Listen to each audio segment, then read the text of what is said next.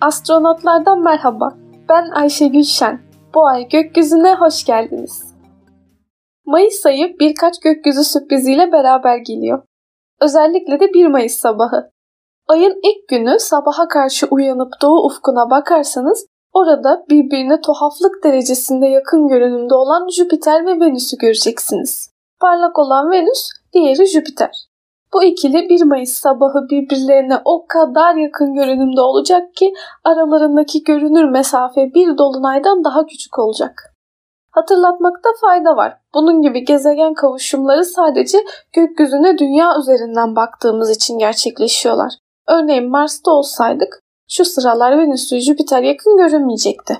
Zaten gerçekte de yani uzayı 3 boyutlu düşündüğümüzde Venüs ve Jüpiter arasındaki uzaklık şu sıralar hemen hemen 5 astronomik birim kadar. Ayın başında Venüs ve Jüpiter kavuşumunu gözlemledikten sonra sakın ha gözlem yapmayı bırakmayın. Geçen ay Lir meteor yağmurunu izlemiştik. Bu ayda Eta Aquarius meteor yağmurunu izleyeceğiz. Bu yağmurda en fazla meteor görme olasılığımızın olduğu günler 5 ve 6 Mayıs sabahları. Meteorların saçılma noktası kova takım yıldızı yönünde. Bu yüzden gün doğumundan önce doğu yönünde kova takım yıldızına doğru bakarsanız daha çok meteor görebilirsiniz. Sabah saatlerinde ay da gökyüzünde olmayacağı için karanlık bir bölgede ve keskin gözlerle saatte 15'e varan sayıda meteor görebilirsiniz.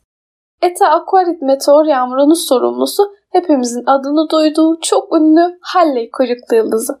Milattan önce 240 yılından beri bilinen kuyruklu yıldızın periyodu yaklaşık 76 yıl. Halley dünyaya son yakın geçişini 1986 yılında yaptı. Bir sonraki geçişi 2061 yılında olacak. Bu demektir ki Halley'i kendi gözlerimizle gökyüzünde görme ihtimalimiz oldukça yüksek.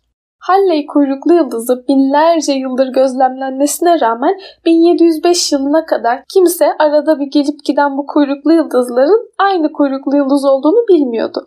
1705 yılında gökbilimci Edmund Halley 1682, 1607 ve 1531 yıllarında görülen kuyruklu yıldızların yörüngesini hesapladı ve bunların aslında aynı kuyruklu yıldız olduğunu keşfetti.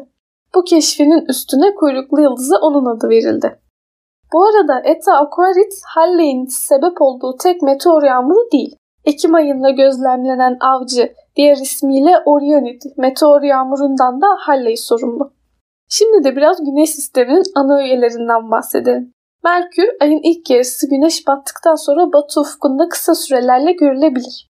Venüs ve Jüpiter ayın başındaki kavuşumdan sonra birbirlerinden uzaklaşıyor. Venüs doğuya doğru ilerlerken hemen hemen aynı yükseklikte kalacağı için ay boyunca parlak bir biçimde gözlemlenebilir. 27 Mayıs sabahı Venüs'e incecik bir hilal eşlik ediyor.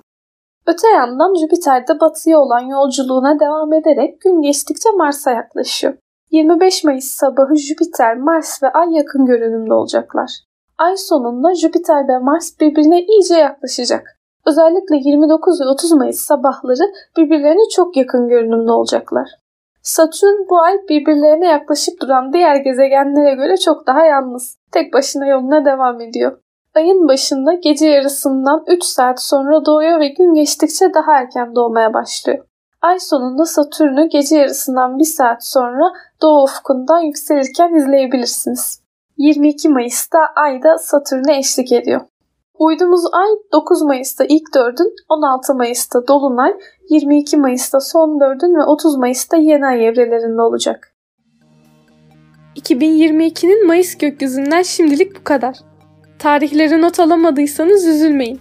Astronotların Mayıs 2022 takvimine sitemizden veya sosyal medya hesaplarımızdan erişerek gökyüzündeki önemli günleri görebilirsiniz. Astronotları sosyal medyadan astro alt çizgi notlar olarak takip etmeyi ve gökyüzü fotoğraflarınızı bizimle paylaşmayı unutmayın. Hoşçakalın.